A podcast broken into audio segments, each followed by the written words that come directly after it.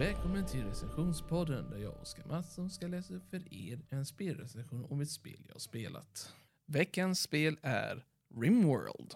Ja, eh, vi gör en liten avstickare från det föregångna spelet, om ni kommer ihåg från förra veckan. Men jag tänker i alla fall försöka göra en snabb förklaring om detta spelet så gott det går. Spelet är en simulatorspel som bygger på överlevnad på en okänd planet ute i rymden. Ja, ni hörde rätt. Ni är strandsatta på en öde ö eller kontinent mitt i ingenstans i galaxen. Oh boy. Det är som Robinson fast med eh, utomjordingar och andra saker. Visst nämnde jag att det finns en varelse som exploderar om du skjuter dem? Nej, nej, det vill ni inte veta heller, men det finns. Och de har allihopa konstiga namn. Detta spelet är modifieringsbart. Det vill säga att mods kan användas för att ändra det till att få den versionen av spelet du vill ha. Vill du ha en medeltidsversion, då kan du ha det. Vill du ha Star Wars-liknande, vill du ha något med Star Wars-liknande, som i sin tur innehåller superkrafter som en jedi eller en sith, då kan ni det. Ni kan till och med bygga upp karaktären, menar jag, mer mindre späcka upp, till att vara en jedi helt, eller en halv jedi, sith, eller hel sith, ja, ni förstår vad jag menar. Spelet har många olika formationer på detta viset. Det normala läget för spelet är väldigt basic och ja, hur ska jag säga det? Är inte lika roligt som modifierat. Jag kan rekommendera en modserie som heter Vanilla Plus. Varning. Det kan innehålla varelser som är från vår planet och annat. Inklusive köttätande marsvin. Jag skämtar inte. Marsvin. Guinea pigs, man eaters, coming to get you. Oh boy, my legs. Om ni förstår vad jag menar. Ja, I alla fall, detta spelet har också inget multiplayer-läge än. Och antagligen kommer inte få det på lång tid, så vitt jag har sett hittills, för spelet har inte blivit modifierat och uppdaterat på länge. Men eh, det finns alternativ. Det finns tre stycken, så vitt jag vet än så länge. Det kan finnas en till nu, som har kommit ut nyligen, men jag rekommenderar i alla fall en av dessa om du vill se tillsammans. Den första modifikationen till spelet heter Multiplayer. Uppenbarligen. Nästa heter Online City, vilket är att du får en koloni, alla får en koloni som går med dig i spelet. Och Open World. Open World bygger ungefär som Online City, men på ett annat vis och är mer, så vitt jag hört, stabilare. Skillnaden är att Online City är liksom stadssimulator bara. Open World innehåller, eller ska innehålla snart, PVP. Eller spelare mot spelarläge, som det heter. Varning! Se upp för sådana som ger dig saker. Det kan bli din död. Och när jag menar det allvarligt talat, du får alltså tusentals silvermynt och du säger ja, jag är rik. Och du blir påhoppad av varendaste bandit i hela spelet. Ni förstår vad jag menar med det. Det finns också tillägg. Ja, enligt detta recensionspappret som jag läser nu så var det två, men nu har det kommit ut en ny. Så jag tänker nämna den också.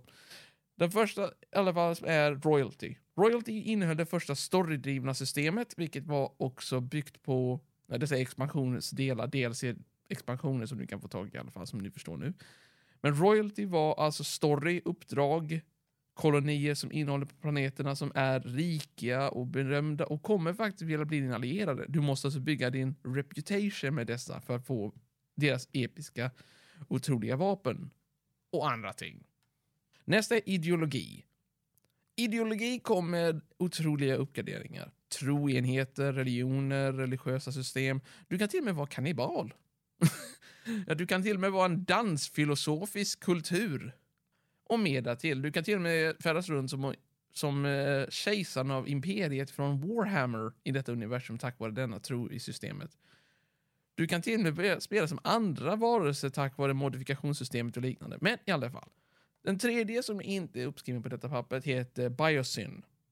Biosyn är vad man kan kalla det för ett biologiskt uppdatering. Den biologiska uppdateringen är att du kan skaffa barn nu. Oh boy. Du kan ha genetiska kloner utav dig själv. Oh boy. Du kan till och med splicea DNA från två personer som inte ska kunna vara kompatibla för att skapa en ny generation. Med ett annat ord, wow, Biosyn är jättebra, men tillsammans med alla dessa tre så får ni den ultimata uppspelningen av en spelsimulator. Skaparen vid namn Tynan Sylvester, eh, jag tror det var Tynan i alla fall, eller Tynan Sylvester. Men i alla fall, jättebra spel, otroligt överlevnadsspel, kan rekommendera totalt. När det är på rea, 100%, men det blir aldrig någon stor rea som vi har hört. Den största rean du kan få är 13% för allting. Det är inte mycket, säger jag bara. Basspelet går på 10% av, ofta. DLCerna går aldrig på rea, sorgligt nog. Personligen så vill jag gärna egentligen ha någon att spela med med detta spelet, men det finns inte så många som jag känner som har spelet. De få som har spelet är inte intresserade av att spela co-op eller multiplayer-läge. Men i alla fall, i mitt fall tycker jag att detta spelet förtjänar en, ett högre betyg än 8 av 10, men jag har ju inte alla delser. Sad. Men i mitt fall får den i alla fall 8 av 10 starkt. Kanske till och med 8,5 av 10 om den hade bara varit lite bättre. Med multiplayer inbyggt, men beggars can't be choosers. Spelstilen är värt det tycker jag och för att vara ett simpelt spel som kanske tar bara runt 3-4 gig på din data eh, och alla dina funktioner som finns med det är det en rekommendation för mig. Jag hoppas att ni, kom, ni njöt av denna recension och att vi framtida kommer få fortsätta med nästa spel som jag antagligen ska göra, ja, en serie. Men vad den handlar om tänker inte jag avslöja. Tack för mig. Hej då.